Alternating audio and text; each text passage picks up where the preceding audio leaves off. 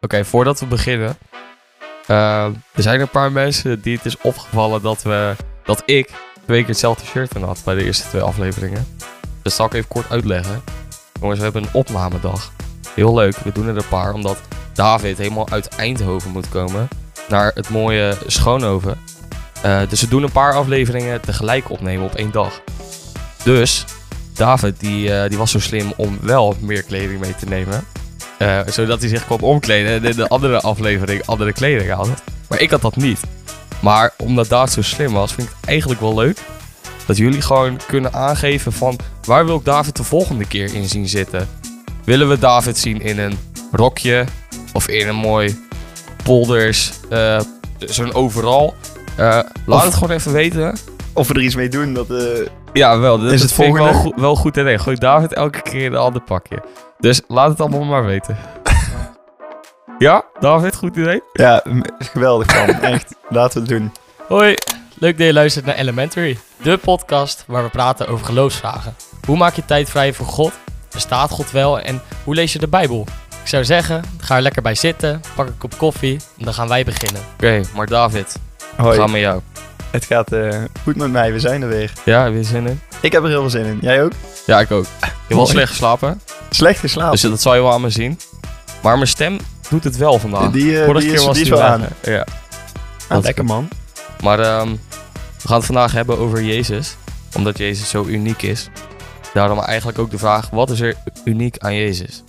Goeie vraag ook wel. Ik merkte dat ehm, in de voorbereiding ik het ook best een lastige vraag vond. Hoe gek dat misschien ook klinkt. Juist omdat je heel veel over Jezus kunt vertellen, denk ik. Dus om dat samen te brengen in een eh, podcast was voor mij best wel lastig. Maar ik denk dat het me wel gelukt is om, eh, om een korte samenvatting te maken van waarom Jezus dan zo, eh, zo uniek is. Wat ik namelijk denk is dat hij heel goed antwoord geeft op iets wat wij allemaal zoeken. En wat dat denk ik is, is, ehm, is dat we op zoek zijn naar vrede. Eh, vrede met misschien wel onszelf, vrede met anderen, maar ook vrede met God hebben. En ik heb er wat onderzoek naar gedaan en ik, ik geloof er oprecht in dat echte vrede bestaat uit een aantal componenten. En die zijn gerechtigheid, herstel en vergeving. Dat zijn denk ik de drie componenten die, eh, die samen voor echte vrede kunnen zorgen. Ik weet niet of dat eh, meteen logisch klinkt. Dat moet je voor nu misschien maar even van me aannemen. Aannemen. Ja, precies. Ik denk wel dat dat oprecht zo is. En als je gaat kijken naar het leven van Jezus, dan kun je denk ik eigenlijk stellen dat hij op alle drie die dingen en dus op het vinden van echte vrede, dat hij, daar, dat hij daarin antwoord geeft. Hm. Ehm, Dus herstel, gerechtigheid en vergeving. gerechtigheid, herstel, vergeving. Die drie dingen, die vormen samen denk ik dat je echt vrede kunt hebben. En hij geeft daar antwoord op, vind ik. Oké. Ehm, als je bijvoorbeeld kijkt naar het, eh, naar het eerste eh, deel, gerechtigheid. Wat Jezus deed is, wanneer hij onrechtvaardig gedrag zag, beantwoordde hij dat zonder te spiegelen. Dus hij eh, reageerde op onrechtvaardig gedrag, maar niet met onrechtvaardig gedrag. Hij reageerde juist met rechtvaardig gedrag. En daarmee, daarmee doorbrak hij dat eigenlijk. Hij leerde ons onder andere dat we elkaar lief moeten hebben. En ik denk dat hij daarmee liet zien dat het niet zo hoeft te zijn dat wanneer ons iets aangedaan wordt wat misschien wel onrechtvaardig is, dat de oplossing altijd onrechtvaardig gedrag moet zijn, waardoor dat zich blijft vermenigvuldigen. Als het ware doorbrak hij dat door juist rechtvaardig daarop te reageren. Wat, er, wat er wel lastig aan is, is dat vaak als wij onrechtvaardig gedrag Mhm. zien, dan denken wij dat wij daar rechtvaardig op reageren. Klopt, zou inderdaad kunnen. En ik denk dat het daarom des te belangrijker is om te kijken naar wat Jezus zei, wie hij was, wie hij nog steeds is en waarvoor hij pleit. Omdat hij ook uitleg geeft in de Bijbel over hoe we rechtvaardig kunnen reageren op onrechtvaardig gedrag. Ik denk zelfs nog dat zijn hele leven en ook ehm, eh, het einde van zijn leven, dat dat juist daaraan bijdraagt. Want als je bijvoorbeeld kijkt dat hij door een ehm, onterecht vonnis eigenlijk veroordeeld werd. En toch was zijn reactie daar niet onrechtvaardig op. Hij deed eigenlijk best wel iets unieks. En dan kom je ook bij het tweede puntje herstel aan. Hij besloot namelijk niet kwaad met kwaad te vergelden. Maar tegelijkertijd besloot hij ook niet te vluchten. Hm. Hij deed iets anders dan dat. Hij onderging het. Hij ging het eigenlijk eh, op dat moment aan. En dat stukje herstel, dat komt dan denk ik, denk ik voort uit dat...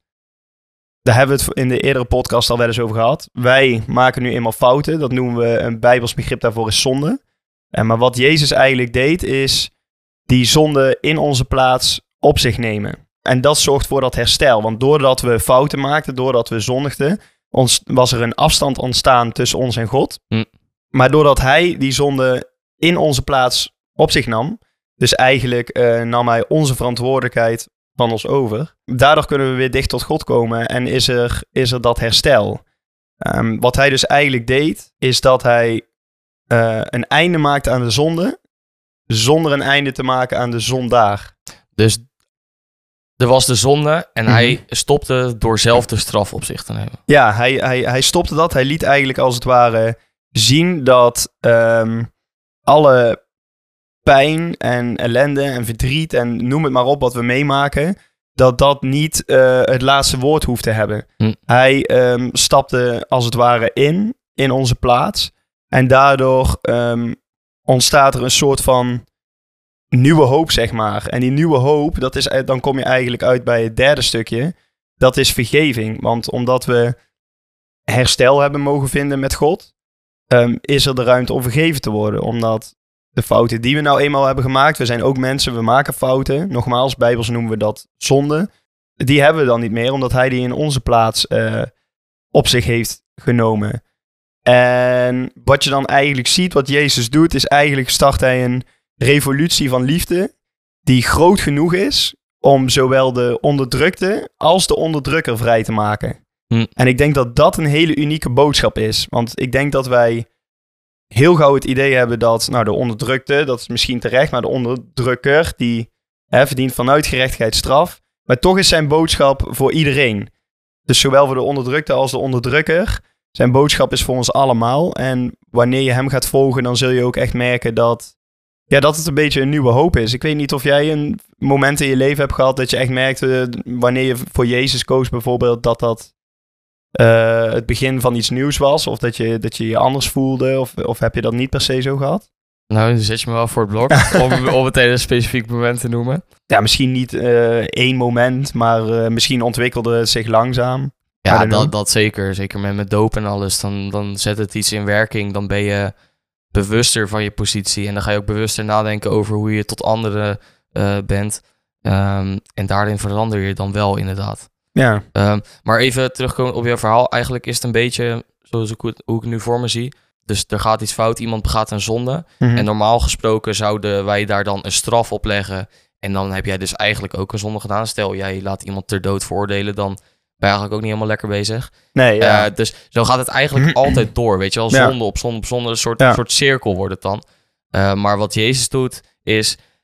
Die ziet een zonde en die gaat daarvoor eh, de straf op zich nemen. ja. Ehm, die zet er een punt achter en dan is het klaar. En dan is er rust voor degene die de zonde heeft begaan. Maar ook rust voor de omstanders en voor degene die eigenlijk normaal gesproken dan de vervolger aan zou geven. Ja, ja, dat en- is wat je zegt. Ja, en dat is eigenlijk denk ik ook dat stukje wat ik bedoel met een revolutie van liefde. Eh, we hebben het in, eh, in andere podcasts hebben, we- hebben we het er ook wel eens over gehad dat Jezus bijvoorbeeld zegt, hè, als iemand je op de linkerwang slaat, keer de rechterwang toe. Dat is natuurlijk best wel een ding om zoiets eh, te zeggen. Laat staan er ook echt na te gaan leven. Want dat, eh, volgens mij heb ik dat vorige keer ook al gezegd, dat, dat daarmee denk je automatisch van, ja, dan gaan, dan gaan mensen over je heen lopen. Maar wat het bijzondere aan Jezus is, is dat zijn antwoord op onrechtvaardig gedrag altijd is antwoorden met rechtvaardigheid. Ja. En ik denk dat er dan, eh, ik merk het bij mezelf ook, eigenlijk ook zoals, je, zoals jij het zegt, eh, sinds een doop, maar ook in de aanloop, sinds mijn doop en ook in de aanloop naar die doop toe, dat je toch een soort transformatie doormaakt. Je gaat heel anders naar mensen kijken. Je ziet het stukje God zie je in mensen. En je wilt ook heel anders met mensen omgaan. En ik denk dat dat het bijzondere is aan Jezus. Eh, nogmaals, je hebt dan die gerechtigheid, herstel en vergeving. Ik denk dat dat erin samenkomt, echt dat je vrede kunt hebben, ook van binnen. En dat je niet wrok draagt naar anderen toe. Hè? Want je, je, je kunt ook vrede hebben, denk ik, voor het oog. Maar van binnen nog steeds het gevoel hebben dat je boos bent op iemand. Of gefrustreerd bent, of verdrietig, of wat dan ook. Oké, maar hoe, hoe zorgde Jezus er dan voor dat mensen niet over hem heen liepen? Want hij had natuurlijk best wel wat eh fariseërs en Ja, balleraren, hadden we het net over. ja, ja precies. Eh, die, die tegen hem begonnen te praten en Mhm. zeiden van dit doe je niet goed. Mhm. hoe, hoe zorgde hij ervoor dat er niet over hem heen werd gewandeld? Nou, ik denk dat een van de belangrijkste dingen die hij deed, en ik denk dat het sowieso ook goed is voor ons in deze tijd om dat te doen, is dat hij heel vaak de Bijbel quote. Dus wij geloven dat dat het woord van God is. En hij haalde dat heel vaak aan op basis waarvan hij liet zien dat liefde de oplossing is en niet eh, nog, meer, nog meer haat. Dat kwaad met kwaad vergelden, dat dat eigenlijk eh, niet de oplossing is. Eh, misschien dat dat zo lijkt soms of voelt soms voor ons dat we, dat we terecht vinden dat wanneer we kwaad zien, dat we dat met kwaad willen vergelden. Maar uiteindelijk op de lange termijn, of überhaupt gewoon voor ons als mensen op deze wereld, is dat niet de oplossing. Dus dat is iets heel belangrijks wat hij deed. En tegelijkertijd denk ik dat het belangrijkste, dat een van de belangrijke dingen die hij deed, is dat hij het ook gewoon liet zien. Dus hij bracht het ook gewoon zijn hele leven in de praktijk. Hij liet steeds weer opnieuw zien ehm, hoe je ook in onrechtvaardige situaties toch anders kunt reageren dan misschien wel je gevoel je ingeeft. Of, dan, of misschien wel dan wat jij terecht vindt dat diegene eh, zou moeten verdienen. Hij besloot gewoon daar heel anders op te reageren. En dat is opnieuw Ja. weer die revolutie van liefde. Daarin startte hij iets eh, wat we nu, 2000 jaar verder, nog steeds, eh, nog steeds zien gebeuren. En wat, ja, eigenlijk zoals jij zelf zei eh, bij je dood, maar ook bijvoorbeeld ik, nog steeds ervaren wanneer we die verbinding met hem leggen. Wanneer we ervoor kiezen om hem te volgen. Dat we Ja. steeds meer gaan zien dat we daarin kunnen gaan wandelen, zeg maar. Dus gewoon een compleet andere aanpak op een, op een vervelende situatie. Dus een aanpak van liefde. Ja. Dat, eh, dat, dat zorgt er gewoon voor dat er ook alsnog niet zomaar overheen wordt gelopen. nee, ja, ik Althans, denk... dat zien we bij Jezus. En dat ervaren we misschien zelf ook wel een beetje. Ja, ja, en misschien zie je het dan ook wel niet meer als dat er over je heen gelopen wordt.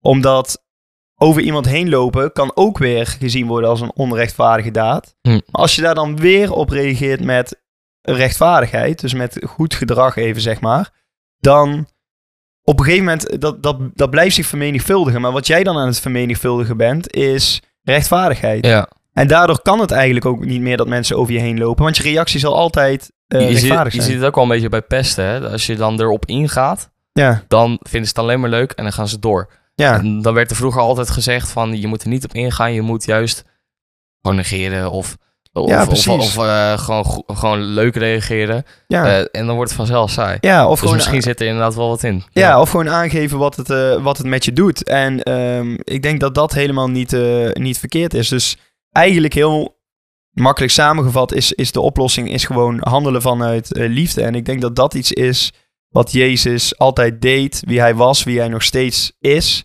eh, nog steeds is door ons Hm. eh, eh, heen. En ik denk dat dat wel echt is wat hem, wat hem uniek maakt. En dan wil, ik op zich nog wel één, één klein puntje inbrengen. Oké. Ehm, ik, we hadden het er net even over. Ik vind het altijd heel bijzonder als ik lees over Jezus en zijn zijn leven in de Bijbel. Mhm.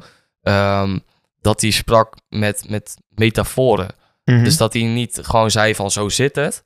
Ja. Maar hij brengt het zo goed. Zo Mhm. met een mooi verhaal waarin dezelfde boodschap zit. Dat het duidelijk wordt. ja, Wat ja. vind jij daarvan? Ja, ik vind dat, eh, ik vind dat denk ik ook wel, eh, wel iets moois hebben in de zin dat... ehm, ehm, het is niet dat hij het ons bewust bijvoorbeeld moeilijk wil maken, denk ik.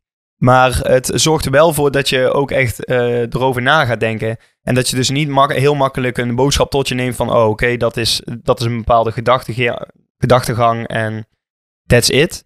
Maar dat hij je ook laat nadenken van binnen van... eh, wat wordt er nu precies gezegd en wat vind ik daar wat vind ik daar zelf van? Dus dat was heel, wel een hele bijzondere manier van hoe hij dat, eh, hoe hij dat altijd aanpakte. Ja. En dat, dat, dan zie je ook echt dat de mensen die echt willen weten wat hij daarmee bedoelde, eh, dat, dat dwingt je eigenlijk om te gaan graven. Dus dat, dat is ook wel iets heel moois. dat is dus, ook een manier. dus dat is eigenlijk beter dan een kort antwoord van zo zit het. Eh, het langere antwoord zet je tot, tot denken, dat zet je tot onderzoeken. Ja, En brengt je uiteindelijk misschien verder inderdaad dan dat je zegt van nee, het zit zo. Ja, misschien soms Ja. wel. In, in andere dingen was Jezus eh, weer heel duidelijk. Maar ik denk dat hij daar gewoon eh, heel goed selectief in was. In wat wil ik direct meegeven. En is op die manier al een duidelijke boodschap. En welke dingen wil ik mijn luisteraars of volgers wil ik uitdagen om, om eens op onderzoek uit te gaan. Ja. Dus dat is, dat is zeker een goede. Ja, vind ik vet man. Dat, dat zou ik graag, zou graag kunnen. Daar probeer Ja. ik altijd al een beetje, een beetje, een beetje vaag verhaal op te hangen. Weet je, Ja, wel, zo'n vage metafoor. Eh, zodat ik dan een beetje Maar dan kijkt iedereen je aan, overkom of zo. dan kijkt iedereen je aan van eh, Koen, waar heb je het over? Ja, gewoon met zijn vage verhalen. Ja. Ja, precies. Nee, alleen maar, eh, alleen maar leuk. Maar ehm, En eh vragen waar ik vroeger altijd een beetje een hekel aan had. mhm. Dat mensen zeiden, what would Jesus do? ja, En dat zou zo ja, slapig klinken of zo. ja, Maar het is wel waar. Het is, het is wel waar, ja. Als je dat eh, jezelf afvraagt, en ik moet ook eerlijk zeggen, ik denk dat dat ook een stukje is waar we het net over hadden, dat het ook gewoon iets is wat gebeurt, bijvoorbeeld door je doop of eh, door eh, je ontwikkeling in het geloof. Ehm, dat het op een gegeven moment niet meer is dat je erover na moet, na moet denken, maar dat het iets van je zijn wordt of zo. Dus Ja. dat het een beetje steeds meer vanzelf ga- gaat, omdat je steeds meer die band eh, opbouwt. En ehm, ja, ik denk dat dat alleen maar ten goede komt. Want eh, hoe geweldig zou het zijn als onze oplossing, de oplossing voor iedereen, eh, zou zijn om te reageren met liefde. Ik denk dat dat alleen maar hele mooie dingen kan, Ja. kan voortbrengen. Dus ehm, uniek aan Jezus is dat hij ehm, heel anders reageert dan dat je zou verwachten. Hij reageert met, met liefde. Hij reageert door een best wel complex verhaal op te hangen, maar daardoor wordt het alleen nog maar duidelijker. En dat is voor ons een les om ook op een andere manier te reageren op situaties die voor ons vervelend zijn, die voor anderen vervelend zijn. En zodra we dat gaan doen, dan zetten we er een punt achter voor degene die een zonde heeft, eh, heeft ge- gehad. Hm. Zet er ook gewoon een punt achter voor iedereen eromheen. Ja. Eh, dus dat zou mooi zijn als we daar met z'n allen aan kunnen werken. En dan nog de tip. Ik vond het ook wel een stomme vraag, maar zeg het gewoon tegen jezelf. What would Jesus do in een bepaalde situatie? Wat zou Jezus doen? Zou hij eh, een klap uitdelen of zou hij over het evangelie eh, praten? ja, ik denk dat dat een eh, mooi antwoord op de vraag is. Ik denk, ja, ik denk het zeker. Je hebt het, eh, je hebt het mooi, mooi omschreven. Dus ja, dat, dat maakt Jezus uniek, denk ik. Oké, nou, mooi. Zal ik afsluiten? Dank u, vader. ah, leuk. Nee, leuk dat jullie hebben gekeken op YouTube of geluisterd via Spotify. Ik hoop dat jullie wat aan hebben gehad. Wat is er uniek in Jezus? Laat nog even wat achter als we wat zijn vergeten. Wij zijn ook slechts mensen. David bereidt zich goed voor, ik wat minder. Maar zelfs David kan wat gemist hebben. Al speelt er wat eh, in jouw leven omtrent deze vraag, wil je weten hoe je beter moet reageren op eh, bepaalde situaties met bepaalde dingen. Ehm, spreek ons ook gewoon aan, misschien kunnen we, kunnen we je helpen. En eh, ik zou zeggen, tot de volgende podcast. Oh ja, en laat nog even weten wat David aan moet in de volgende opnamedag. Ik, ik zit zelf te denken aan een leuke overal. Oh, leuk overal. Een leuk we zullen overal. erover- we zullen erover nadenken. Ja. Nou, hey, bedankt voor het, eh, voor het kijken, luisteren. Tot eh, ziens.